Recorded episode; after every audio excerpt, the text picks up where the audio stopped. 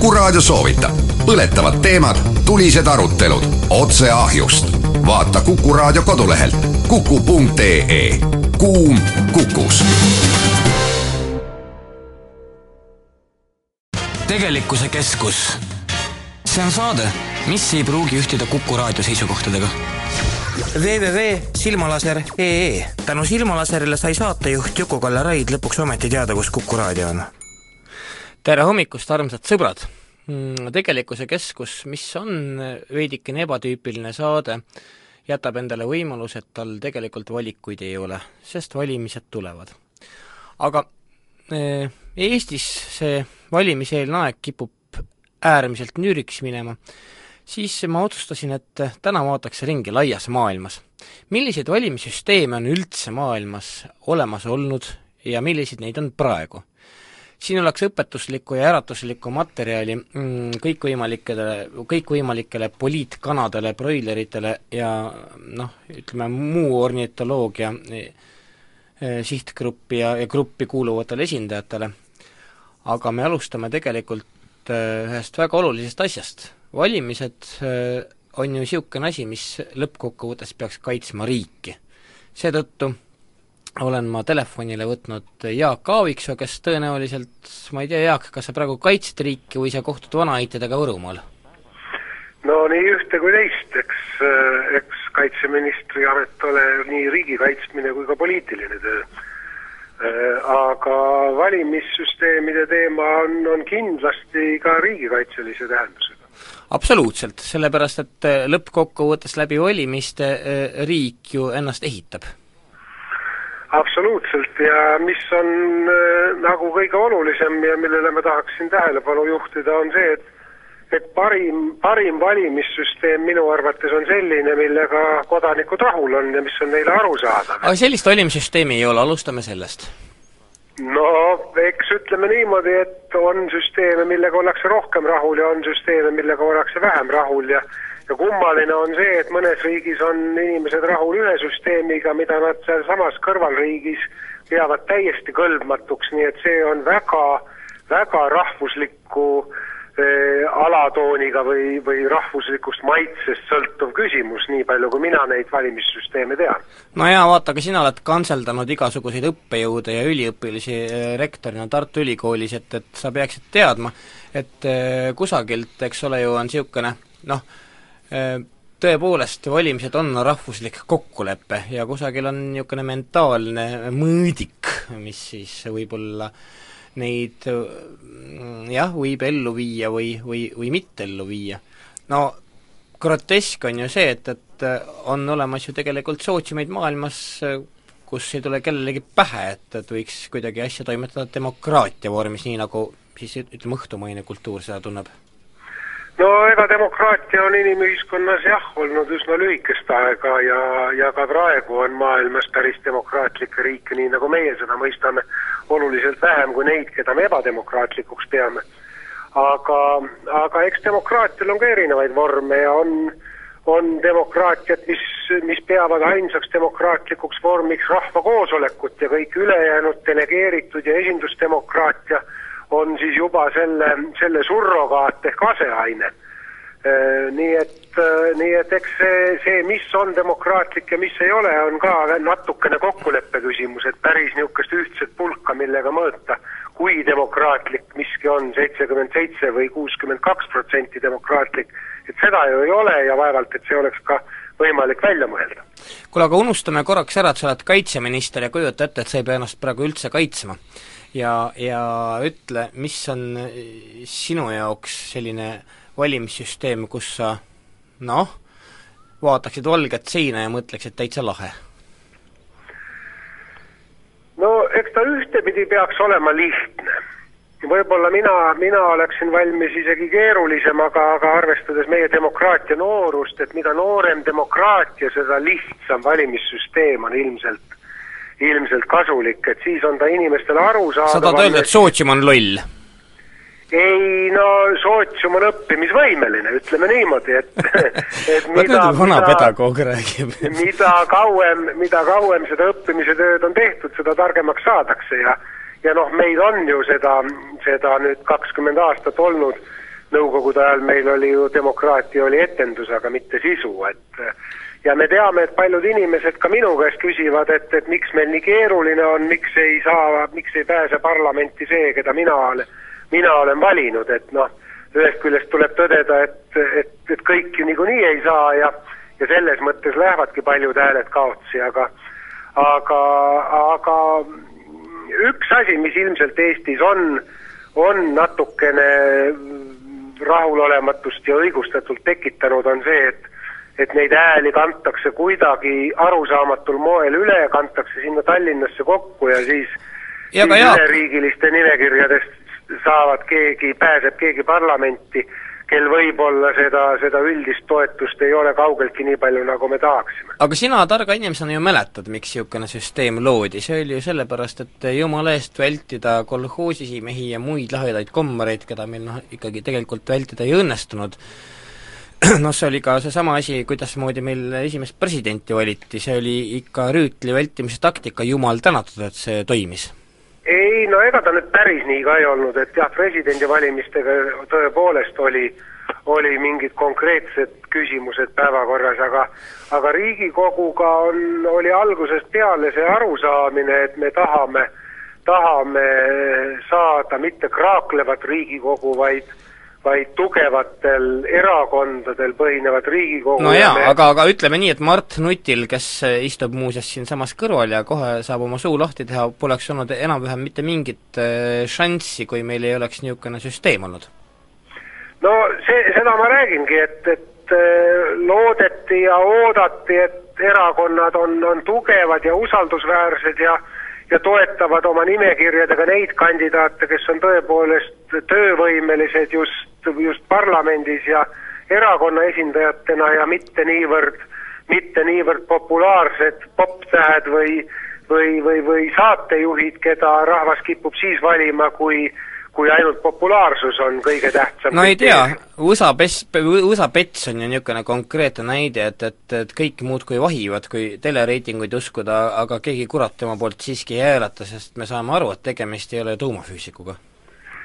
no tuumafüüsikuid valiks, valiks tõenäoliselt veelgi väiksem hulk inimesi, nii et selles mõttes see võib-olla näide ei ole õiglane aga, aga ma ei ole ka seda meelt, et nüüd, nüüd teiste elualade esindajad, populaarsete elualade esindajad ei tohiks üldse parlamendis olla, et et rahva valik on nagu lõplik ja õige, aga aga süsteem peaks olema niisugune, mis, mis siiski natukene toetaks just töövõimelist eh, parlamenti ja ja väga killustunud, rääkimata saja ühest täiesti sõltumatust saadikust koosnev parlament ei ole ilmselt see, mida me tahaksime, sest et mina alati olen kartnud inimesi, kes ütlevad, et nad ei sõltu mitte kellestki ja mitte millestki, et no see on Mongoolia et, variant või, või Albaania.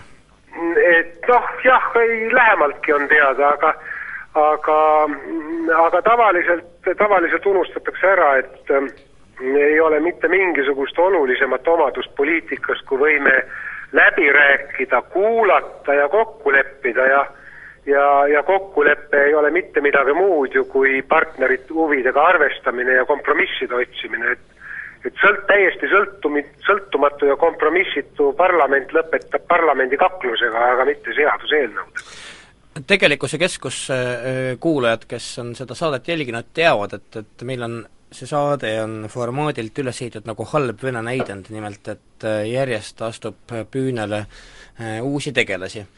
praegu oli siin Jaak Aaviksoo ja on ka edasi, aga Mart Nutt, sina oled tegelikult ütleme, teadmisi täis, milliseid valimissüsteeme meie kirjav maailm pakub? noh, kas nüüd täis, aga võib-olla alustaks elementaarsest kui me räägime nüüd sellest, et milline valimissüsteem on nagu riigi seisukohalt parim ja teisest küljest, millised on rahva ootused, siis me peame tõdema seda, et universaalselt head valimissüsteemi ei ole leitud. Kui oleks leitud, siis ma arvan, et ammu oleks demokraatlikud riigid kokku leppinud ja mingi standardi kehtestanud. aga lihtsalt seda ei ole. muuseas, kui standardid kehtestad, see juba lõhnab väga mittedemokraatliku asja järgi. noh, võimalik, et see tõesti niimoodi on, aga kõik tehakse ju parimatest soovidest. aga kui me nüüd räägime seda, et äh, milliseid valimisi ootab rahvas ja muide, siin on äh, erinevates maades enam-vähem ühesugune suhtumine, rahvas tahab üldiselt kolme asja rahvas tahab number üks valida isikut, ta tahab, et tal on väga selge seos sellega, keda ta on valinud ja see inimene annab ka temale aru. no aga isiklikus elus sa tahad ju ka kellelegi silma vaadata. absoluutselt. nüüd teine asi, rahvas tahab kindlasti seda, et tema hääl ei lähe kaotsi. ja kolmas asi, rahvas tahaks, et valimissüsteem on lihtne nüüd kui me mõtleme, et kas need kolm asja on võimalik kokku panna, siis me sinna ras-, raskustesse satumegi. nimelt, eh, kui rahvas tahab, et valit-, et tema valib seda inimest, äh, äh, kellele tema hääle annab ja see sinna saab, siis ilmselt läheb väga palju hääli raisku, sest kõik tahavad seda. ja mis puudutab valimissüsteemi lihtsusesse, siis kõige lihtsam valimissüsteem on selline, kus läheb umbes seitsekümmend, kaheksakümmend protsenti hääli kaotsi ja kakskümmend protsenti hääli lähevad siis sellele, kes osutub valituks no jaa, aga tegelikult äh, kui me räägime geograafilisest absurdist, siis äh, on neid süsteeme ka tänases maailmas igasuguseid huvitavaid on, no tegelikult äh, võib-olla tulles natuke poliitikateadusse, siis valimissüsteeme võib jagada laias laastus kaheks suureks nii-öelda valimisriigiks. et kas on valimised või ei ole? no ütleme, rääkisime sellest, kus on valimised. kui me räägime sellest, kus valimised on ja ei ole, siis me ei räägi enam valimistest. aga kus valimised on, siis üks on siis, valitakse enamuspõhimõttel, ehk siis äh, rahvusvahelises keeles rohkem tuntud majoritaarselt või valitakse võrdelises põhimõttes, ehk siis äh, rahvusvahelises keeles proportsionaalselt. ehk enamuspõhimõte siis kõige sellisel puhtamal kujul tähendab seda, et on üks ringkond, on kandidaadid ja võidab see kandidaat, kes saab kõige rohkem hääli.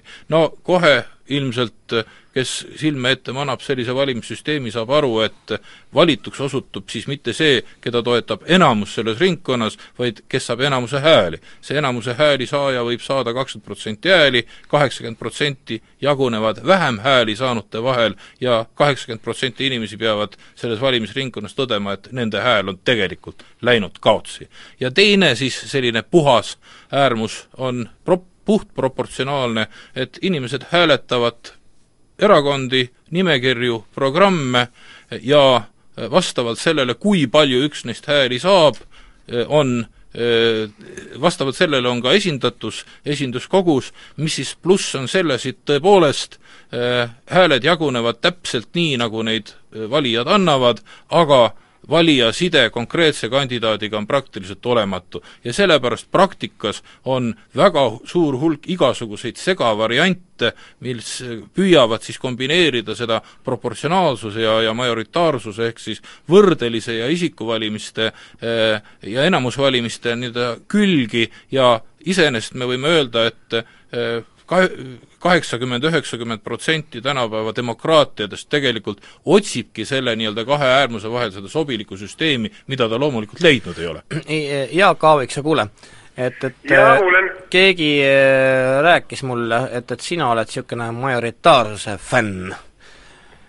no see oleks nüüd üle pingutatud, ma saan väga hästi aru, et, et see mõningatele inimestele võib meeldida ja ja, ja tal on kindlasti ka minu jaoks sümpaatseid jooni, et kõige tugevam või kõige pikem on see, kes, kes no sinul on pikkusega ei ole jama, on ju, et, et see et kõik teised jäävad nagu tagu tahaplaanile, aga aga eks on ka selge, et ega see, ega see nüüd ei pruugi olla tingimata kõikidele inimestele ja, ja ka Eesti, Eesti riigis, kus me tahame siiski üldiselt niisugust noh, stabiilsemat ja, ja tõesti proportsionaalsemat, et kõikide arvamusi arvesse võtvat süsteemi et siis, siis, siis niisugune segasüsteem on ilmselt eelistatav kui, kui see, mida nimetatakse, et võitja võtab kõik. okker-tokker, see on nagu enam-vähem arusaadav jutt, aga, aga kas sa ise kujutad ette, et praegune valimissüsteem äh, on ütleme, vastab siis sinu helesinistele unistustele? No ma arvan, et täna, täna tahetakse, täna on kõige nõrgem koht, mis, mis äh, ei ole välistatud, läheb ka ümbervaatamisele, kui siin kui siin on äh, valimised mööda saavad, siis see on see äh, üleriigiliste kompensatsioonimandaatide küsimus, et aga mis on ju jumala segane asi, et, et no ongi segane asi ja ausalt öeldes tunnistan, et mul see matemaatika oli suhteliselt hea nii koolis kui ülikoolis, aga aga ega sellest rehkendusest mina ilma, ilma ilma kõrvalise abita ei saa ka aru ja, ja see, tekitab õigustatud rahulolematust, nii et nii et kui kõik mandaadid ikkagi piirkonnas jaotatakse vastu, oleks see arusaadavam ja, ja õiglasem. Me teeme vahepeal ühe pausi, ma ei tea, Jaak, kas sul on veel aega jääda liinile? minul on väga keeruline, sest mulle tuli vahepeal äh, mu Ameerika kolleegi kõne sisse ja ma pean talle vastama, nii et ma hea meelega jätaksin tänaseks kuule okei okay,, laseme, laseme kaitseministri, laseme kaitseministrile lahti. tegelikkuse keskus. see on saade, mis ei pruugi ühtida Kuku raadio seisukohtadega www.silmalaser.ee tänu Silmalaserile sai saatejuht Juku-Kalle Raid lõpuks ometi teada, kus Kuku raadio on. tegelikkuse keskus on selle asja nimi, nagu ütles Kõll ja ja me rääkisime siin kaitseminister Jaak Aaviksooga veidikene, aga, aga minule on alati äh, tekkinud kiusatus tõmmata kui me räägime valimisest ja võib-olla ühiskonnast laiemalt, tõmmata paralleeli seeneniidistikuga. Ja ei ole just igapäevane, et äh, astub üles akadeemik, lugupeetud inimene Eras Parmasto, seenevana, kes tõepoolest jah, kui on vaja seentest rääkida, võib seda ilmselt teha kõige adekvaatsemalt ja kes ütles mulle enne muuseas, äh, kui me seda saadet hakkasime tegema telefoni teel, et minu paralleel seeneniidistiku ja ühiskonna vahel ei ole päris täpne, tere Erast! tere, noh täpne ta mingil määral on, aga ta on osaline. eks seeneniidistik ja inimkogukond või rahvus või rahvas, need kujutavad endast teatud seostes olevat, sõltuvustes olevat looduslike, reaalselt esinevate olevuste näht-, noh, süsteemi. Ja üldiselt seda kõike käsitleb palju laiemalt ja paremini äh, üldine süsteemide teooria, äh, mis muidugi seostub eelkõige, kõige ähm, Bertalanfiga, von Bertalanfiga. aga ka varem on olnud küllaltki, sellest samast üldisest süsteemide äh, teooriast on välja harunenud või juurde tulnud uuemal ajal küberneetika või siis veelgi uuemal ajal paljusid ka ühiskonna nähtusi suurepäraseid seletavad ähm,, seletavad äh, hägusloogika ähm,, kaoseteooria ja veel ähm, ja juba vanast ajast peale muidugi äh, keeruliste küsimuste lahendamisel ja uurimisel kasutatav musta kasti lähenemine. et pane ühest otsast midagi sisse ja välja tuleb midagi muud? Ehm, me ei tea, mis kasti sees tehakse. välja tuleb muud küll, aga see muu on ikka sisestatavaga seotud. see on umbes niimoodi, et kui me läheme valima ja valime ühe jao inimesi ja nad saavadki Riigikokku või parlamenti, siis toimub seal midagi, millest osa on nähtav ja osa ei ole nähtav. Ja välja tulevad seadused või seisukohad või omavahelised suhted, mis on osalt etteaimatavad, aga osalt täitsa vapustavad. See on küll absoluutselt tõsi ja, ja ilmselt see on igasse valimissüsteemi lihtsalt sisse kodeeritud, aga aga mina mõtlesin pigem seda niidistikku selle all, et eks, eks ole ju äh, seenigi igasuguseid liike ja, ja poliitseene niidistik või õigemini noh, see jah, poliitikute niidistik on ju täiesti omaette organism võrreldes siis igasuguste muude niidistikega ja gruppidega, mis ühiskonnas on, see on umbes noh, sina tead seda kõige paremini, tead, kui puu kukub maha ja hakkab mädanema, siis sinna tekivad erinevad niidistikud, erinevad liigid. ja, ja, ja mitmesugused puutukad ja taimed hakkavad peal kasvama ja elu läheb edasi. muidugi, kui mm, rääkida sellest, et poliitikutel ja poliitikamaailmas ja ühiskondlikel või mm, suhetel on üht-teist erinevalt võrreldes teiste elukatega, siis eelkõige, aga siis õnneks on meil seda värki uuritud, seda mehhanismi ja leitud üht kui teist, kuidas seletada midagi, ilma et me seletusi väga keeruliseks ajaks. näiteks kui mõne poliitikas, mõne uue seaduse tegemisel, no nagu näiteks hiljuti oli metsaseaduse ähm,, mitte seaduse, vaid äh, arengukava või kui ülikooli seaduses äh, jäme ots anti mm, haritaste käest poliitikute kätte, kõigil nendel kohtadel on keerukaid ja arusaamatuid asju lihtne või lihtsam lahendada, kui tuletame meelde kaht ladinakeelset sõna. Cui bono, kelle heaks, kes on sellest huvitatud, et just niisugune seadus, niisugune otsus, niisugune kokkulepe või niisugune kokkuleppimatus tehti. vaadake, cui bonot eh, süsteemide teoorias muudele elusolendite rühmadele kuigivõrd rakendada ei saa, aga inimese puhul ja poliitika puhul annab see meile üsna lihtsalt seletusi suurele hulgale asjadele.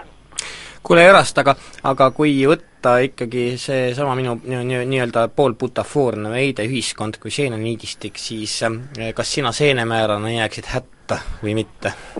tead sa, mis on, seened on üks üksik juhus, üks väikene osakene meie maailma valitsevatest üldistest seaduspärasustest. üldine süsteemide teooria väidabki, et päris isoleeritud asju maailmas pole. Kõik on ikka omavahel seostud, seoses. ja seentega võib ju võrdlust tuua, aga see on ikkagi noh, kahuriga värblase tulistamine.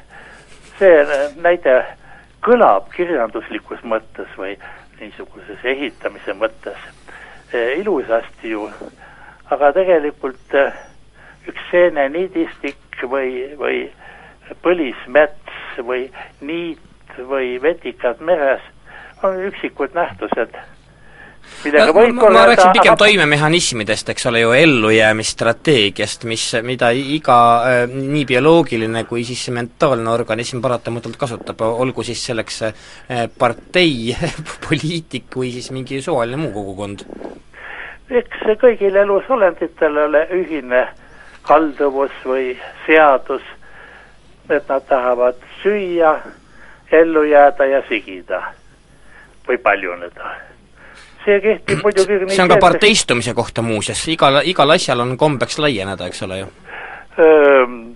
Noh, vähemalt põhieesmärke silmas pidada. Kuule, aga sa ütlesid, et, et jah, kirjandusliku kujundina seen töötab, muuseas, kas sa ise mäletad, ma nüüd äh, Jüri Üdi, elik siis Juhan Viidingu luuletust seentest äh, ma võin sulle seda enam-vähem vist peast ette lugeda, et Riina Viidingu, Elo Viiding, ärgu pahandagu, kui ma paari reaga eksin, aga nüüd me metsades laulavad seened, kätte on jõudnud tasumistund. marinaadide libedad leemed lauanõudele sülgavad lund. pilvik riisikas sõbra näeb ära, põdramokk pole töllakil, ei. seenemikk kuuleb kaugele ära kukeseenegi kollase hei ussinformatsiooni võib tuua, kanal kakast kui umbe ei lähe, seene all võib viinagi juua, sõnab joodik ja sirutab käe. ühesõnaga metafoor missugune, eks ole ju? nojah, aga teisest küljest on ta ka kena äh, looduse tähelepanemine, märkamine ja nägemine, kusjuures sellel, ka temal, sellel loodusel oli rohkem väärtust kui ainult mingi metafoor või ähm, inimesega seotud mõtete esiletoomine. ta nägi e, mõneski luuletuses, see esineb mujalgi, ta nägi ka looduses seda, seda, mis loodus õieti on. püsiv, ilus, väärikas ja see, milles inimesed elavad Erast, kuule, eh, sinu isiklik arvamus, kui sul see peaks olema ja kui sa tahad ja viitsid seda jagada, eh, kas sina oled antud hetkel Eestis oleva valimissüsteemiga rahul, on see sinu jaoks loogiline või kuidagi südamelähedane või mis veel? oi, see on täiesti loogiline, tead sa, millega saavad teadlased olla ühiskonnas ja inimestele ja rahvale kasulikud? mitte niivõrd sellega, et nad leiutavad automobiili, sest see on juba leiutatud, mitmed nad saavad aru, et tähed on niisugused kehad ja mitte tolmukene. paljudel juhtudel saab teadlane aidata kaasa arengule, majanduslikule heaolule, sellele, et ta aitab ära hoida lollusi, sigadusi, kahjulikke otsustusi, teiste sõnadega mitte ainult head tehes, vaid ka halba ära hoides.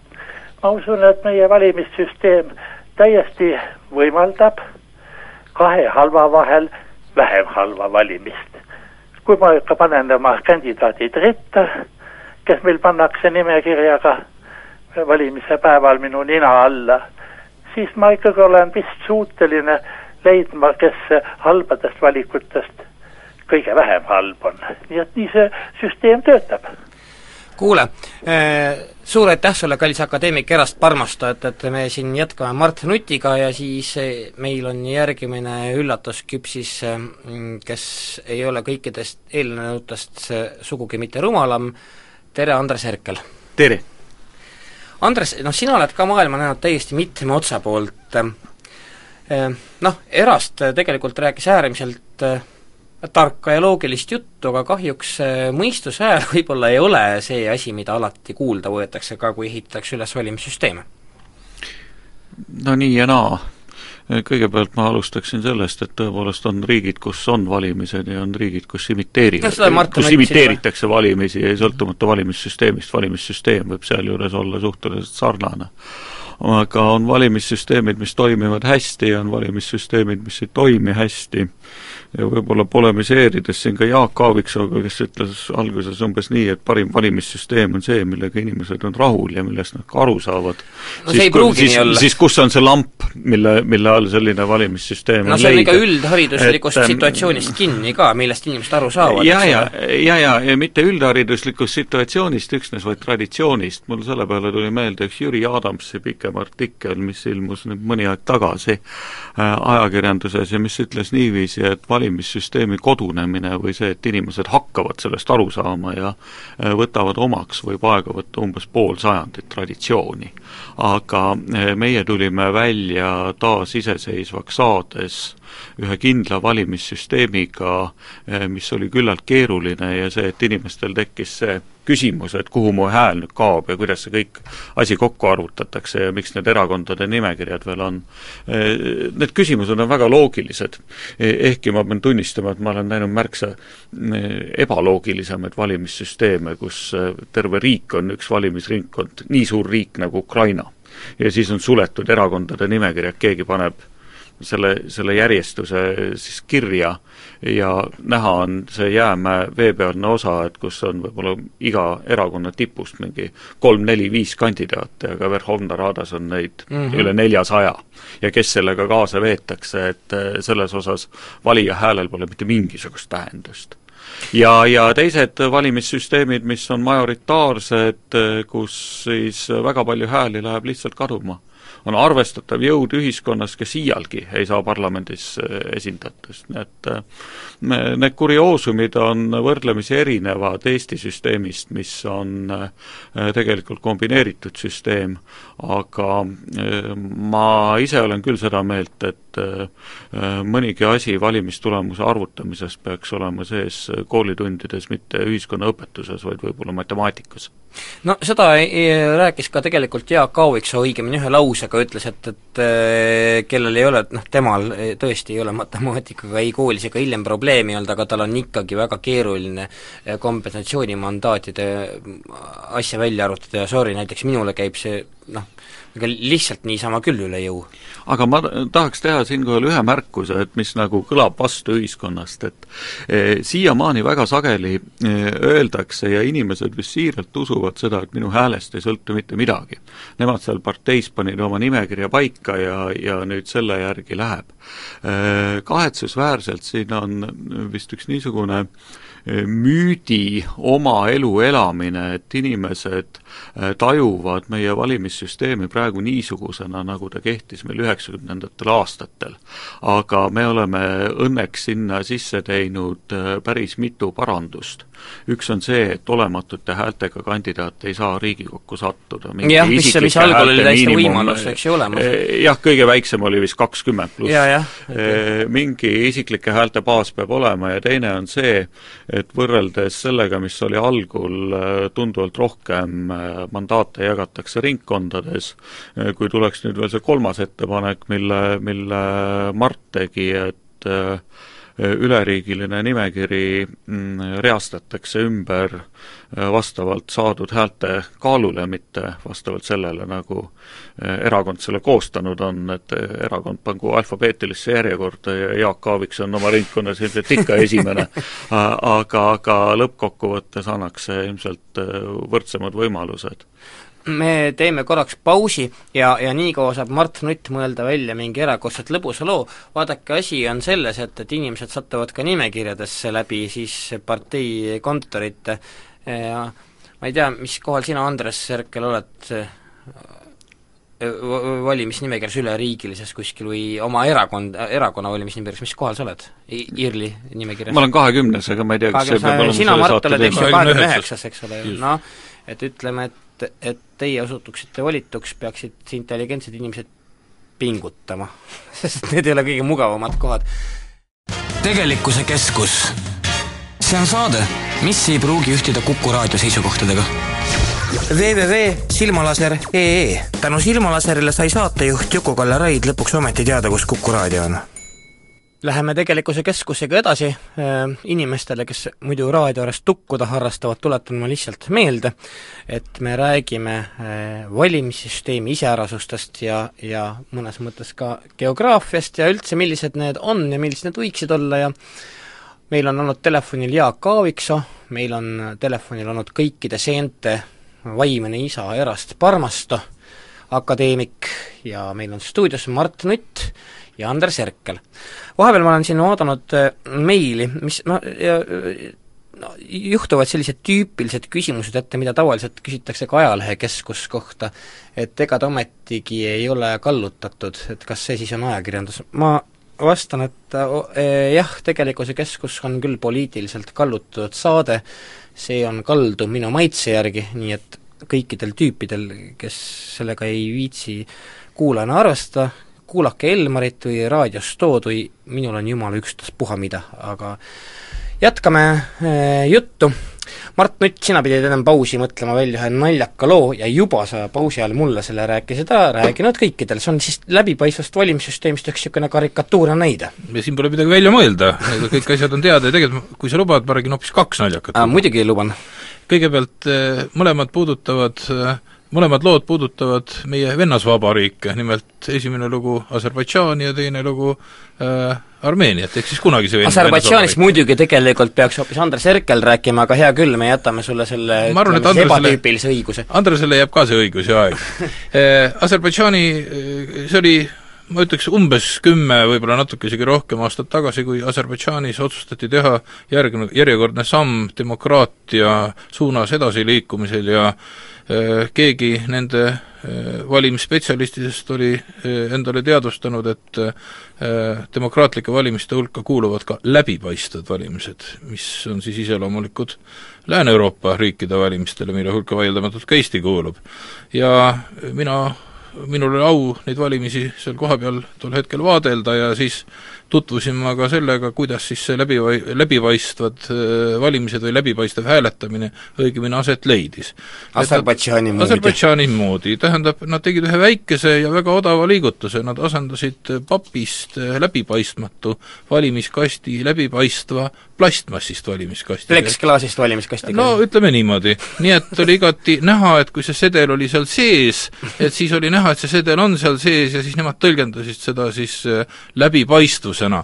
aga see ei takistanud äh, samas peale seda, kui valimiskast avati ühel tädil siseneda valimisruumi kartulikotiga ja siseneda kallata, valimiskasti. valim-, ja, ja kallata sinna valimiskasti selle kartulikotitäie valimissedeleid, mis moodustasid umbes kaks kolmandikku see oli osa läbipaistvusest? absoluutselt, see tekitas küll kakluse, aga läbipaistvus ei kadunud mitte kuhugi. aga ma räägin ka Armeenia loo. Armeenia lugu K oli kuule, oot-oot, ma vahele küsin, et ja. Armeenia on ju see naljakas riik, kus veel mõned aastad tagasi oli sada kakskümmend seitse parteid, nüüd vist on neid kuuskümmend või? Äh, nojah, ja et niigi palju äh, oleks võinud ka halvemini minna üks partei olla, nii et ühesõnaga demokraatia vohab. seal seda suurt vahet ei ole jah, neil oli muuseas, ma lihtsalt ka vahele mhm. pistan, lihtsalt mul oli enda kogemus mingi mõni aeg tagasi Armeenias käis, kui neil olid järjekordsed valimised, siis ma nimelt nägin, et nad kleebivad üles mingeid ägedaid valimisloosungeid, kus just. toimetab mingi äh, minu jaoks tundmatu, kuid selle eest väga kummaline vuntsidega taat mm. -hmm ja seal oli mingi slogan, siis ma küsisin nende kleepijate käest, mis kurat see on, on ju. siis selgus, et need on vanad Armeenia kommarid, eh, kes on muutnud ennast eh, nime sotsiaaldemokraatideks ja slogan oli eh, vali vana seltsimees, uus Armeenia mulle meeldis ka no hirmsasti. aga kui Aserbaidžaanid võtsid siis euroopalikust läbipaistvusest, said inspiratsiooni, siis armeenlased pöördusid otse Eesti kogemuste poole ja olid kuskilt kuulnud, et Eesti on teinud äh, suure hüppe infotehnoloogias ja võtnud kasutusele elektroonilised valimised. meil on mõnes Hiinas pistik. Nonii, ja nemad ei tahtnud selles mõttes kehvemad olla, otsustasid ka elektroonilised valimised kasutusele võtta. aga üks väike erinevus neil Eestiga siiski oli, et kui Eesti elektroonilised valimised toimusid läbi, läbi arvuti ja, ja, ja seda oli, see tähendas seda, et on võimalik kodus hääletada, siis armeenlased vabandasid ennast sellega välja, et nende arvutivõrk nii hästi arenenud ei ole, nende elektroonilised valimised siis nägid välja niimoodi, et valimisjaoskonnas siis valimiskabiini kõrval, noh, ega valimiskabiinis võis ju hääletada vanal moel ka, aga valimiskabiini kõrval oli mingisugune selline mik-, mikrokalkulaatori moodi aparaat, kus oli kolm nuppu, kus oli jah, ei ja erapooletu. ja siis oli seal ka äh, äh veel mingisugune niisugune segane arvustussüsteem, arve arvestussüsteem, mis lubas siis märkida ära selle kandidaadi numbri. no seda kandidaadi numbrit mulle tundub, et keegi otseselt sisse ei löönud, et võeti see sedel ja, ja siis äh, selle sedeli järgi siis vajutati sinna kas jah või ei nupule ja sellega oli siis elektrooniline valimine läbi viidud.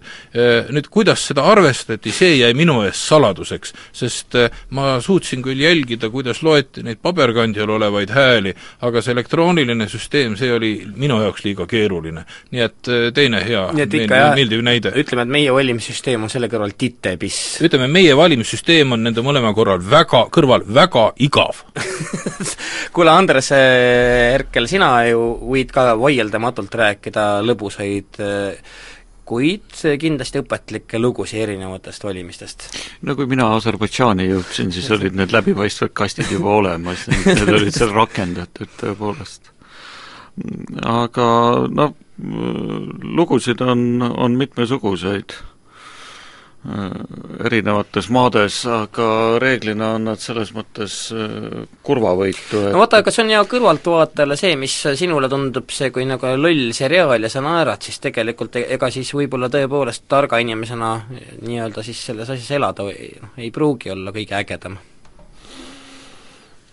ei vist aga oota, et ma vist segasin, sa hakkasid midagi lõbusat rääkima just ei, neid lõbusaid lugusid on olnud palju, aga reeglina on nad seotud äh, selliste äh, vaatlemiskogemustega, mis äh, mis noh, võib-olla siin kontekstis ei ole nii naljakad, aga ma, ma räägiks võib-olla pigem niisuguse tõsise loo, mis on seotud nende läbipaistvate valimiskastidega, nimelt kuidas Gruusias toodi esile see, et tegelikult Äh, valimisi võltsitakse ja see, kui kõik on päev otsa läbipaistev, äh, aga siis see tulemus, mis välja tuleb, ei, ei vasta nagu sellele see on see Elas Parmastuse musta kasti näide, eks ole? see on äh, tegelikult läbipaistva kasti näide, aga see oleks toiminud ilmselt siis ka, kui kast oleks olnud täiesti seintega ja läbipaistmatu.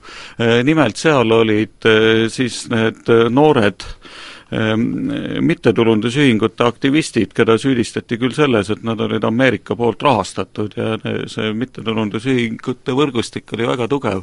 aga mis enne rooside revolutsiooni toimus, oli see, et eh, need inimesed tegelikult iga valimiskasti ees seisid hommikul kella seitsmest kuni õhtul, kui ma õigesti mäletan, kaheksa või üheksani, kui see eh, hääletusprotsess toimus ja nad lugesid ära iga sedeli, mis pandi kasti ja kartulikotiga seal nüüd lausa ei käidud, aga mis oli ebameeldiv ilmselt äh, nende jaoks, kes äh, tahtsid saada seda tulemust, mis on vaja, oli see, et need inimesed teadsid äh, päeva lõpuks täpselt, mitu sedelit on kastis.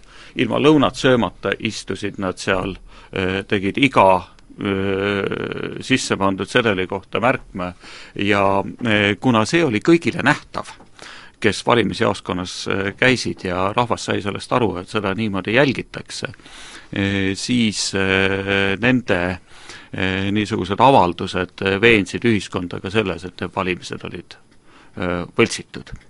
Ja siis tulid inimesed tänavale ja algas see protsess, mida tuntakse rooside revolutsioonina nojah, need on meile noh, suhteliselt enam-vähem arusaadavad näited, kuna ma arvan, et isegi eh, Raadio Elmarit kuulav idioot kujutab endale ette, kus on Gruusia, Armeenia, Aserbaidžaan, aga aga tegelikult maailm on ju täis põnevaid riike, kus noh, need asjad on arenenud täiesti omavoliliselt.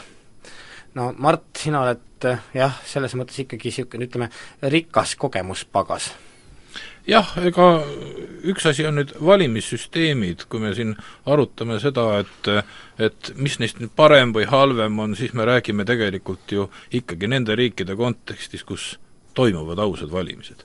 ja kokkuvõttes võib öelda, see on mõneti ju maitse asi, milline valimissüsteem kellelegi meeldib, aga kokkuvõttes äh, äh, nii-öelda pikemas perspektiivis võib öelda, et demokraatlikus riigis need valimissüsteemid, millest me siin ka rääkinud oleme, annavad lõppkokkuvõttes ju ligikaudu samasuguse tulemuse, nad annavad päris adekvaatse pildi sellest, mida rahvas tahab ja tõepoolest, nii nagu Jüri Adamsist oli juttu, räägin võib-olla ka Rein Taagepärast veel kord, kes on maininud, et eh, selline valimiste test peaks toimima ikkagi vähemalt läbi kolme valimise, et eh, avalikkus aru saab, kuidas valimissüsteem toot-, töötab.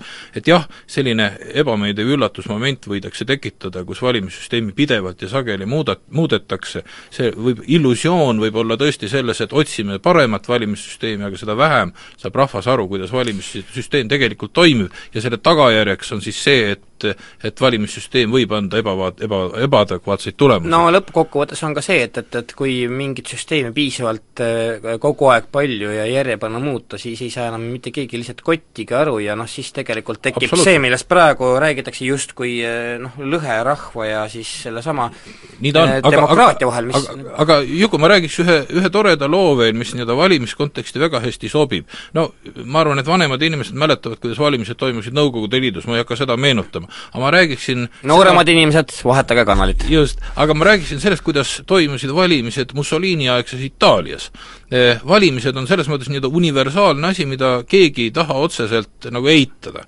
aga eh, valimised toimusid seal natukene sama printsiibi alusel nagu Nõukogude Liidus, et ühesõnaga valimissedelil oli üks kandidaat. ei olnud kantud niimoodi, et on terve hulk kandidaate, kelle vahel sa siis saad valida, oli üks kandidaat ja siis äh, valimismehhanism leidis aset siis niimoodi, et, et kandi-, sellele vali, valijale, hääletajale anti kaks sedelit. ühe sedeli peal oli jah-sõna ja teise sedeli peal oli ei sõna ja äh, kõik kenasti oli äh, valimisjaoskonnas selline kena kapikene, kus ta sai nii-öelda oma otsust teha, mõtiskleda, siis ta murdis selle sedelikese kokku, läks valimiskasti ja lasi ühe sedeli sisse. ainult et äh, see järgnev protseduur võib-olla oli kõige olulisem, nimelt valimisjaoskonnast väljudes puutus ta kokku politseiametnikuga, kes võttis temalt ära siis selle teise sedeli, mis talle kätte jäi.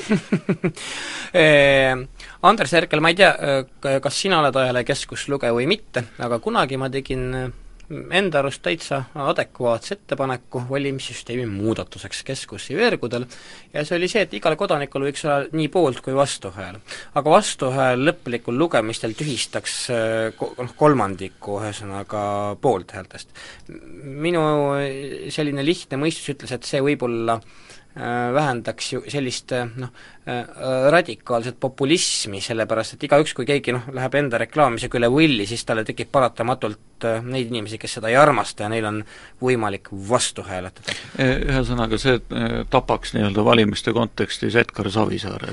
jaa, jaa, Edgar Savisaare ma tapaks ka ilma valimiste kontekstita, et aga noh jah, et ütleme siis seaduslikult võiks küll nii teha. ma tegelikult ei arva, et see väga hea mõte on Lätis midagi niisugust on rakendusel ja tähendab, ta, ta annaks adekvaatse tulemuse, kui seda ad hoc rakendada, ühesõnaga, et nüüd muudame mängureeglid ära ja kui me läheme valimisjaoskonda, siis ühtäkki on nii ja siis saame teada, mida inimesed tegelikult arvavad ühest või teisest poliitikust ja need negatiivsed arvamused tulevad ka. Eh, negatiivne hääl hakkame... loeb kolmandikku, et ta ei tühista ühte plusshäält. Eh, jaa, aga kui me hakkame vaatama seda sellises kampaania kontekstis, siis tõenäoliselt toob see esile väga tugeva musta kampaania laine no eh, kas sa tahad öelda, et Eestis seda musta kampaania lainet pole olnud? on piisavalt no,, rohkem pole vaja. ma, ei no ma ka kujutan ette, et, et, et sellega tehakse just nimelt võib-olla see riskantne samm, et kui sa kedagi väga-väga palju mustad, siis sellele samale mustamisele tekib võimalus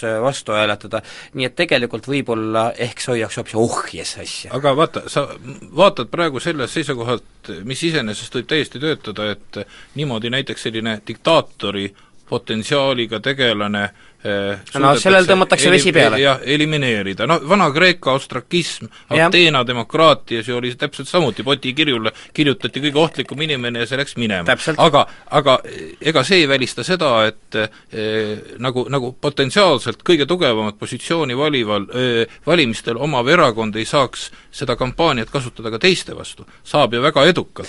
ja kujutame ette nüüd selliseid partei, kes võib saada näiteks nelikümmend protsenti häältest, teeb oma kampaaniat ka konkreetselt teiste isikute vastu, kes need oma nelikümmend protsenti hääli annavad siis ka kellegi teise hävitamiseks, see võib opositsiooni viia tegelikult täiesti marginaliseerumiseni. ei pruugi, sellepärast et alati negatiivne kampaania mingi partei poolt tekitab ka ühiskonnas vastureaktsiooni.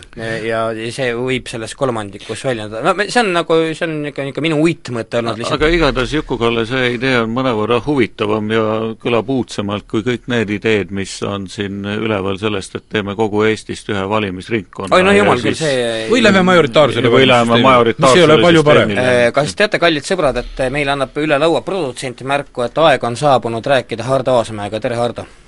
no tere, tere!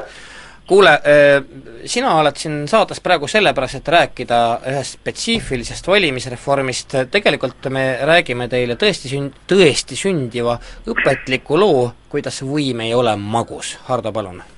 no kõigepealt mind ajab marru see, et kasutate niivõrd no, võõrsõnu, alates äh, sellest, et, ähm, et teil on äh, seal kõikvõimalikud majoritaarsed ja, ja, ja, ja muud süsteemid. me rääkisime aga... eestikeelsed sõnad alguses juba lahti, nii et kuula saadet algusest peale.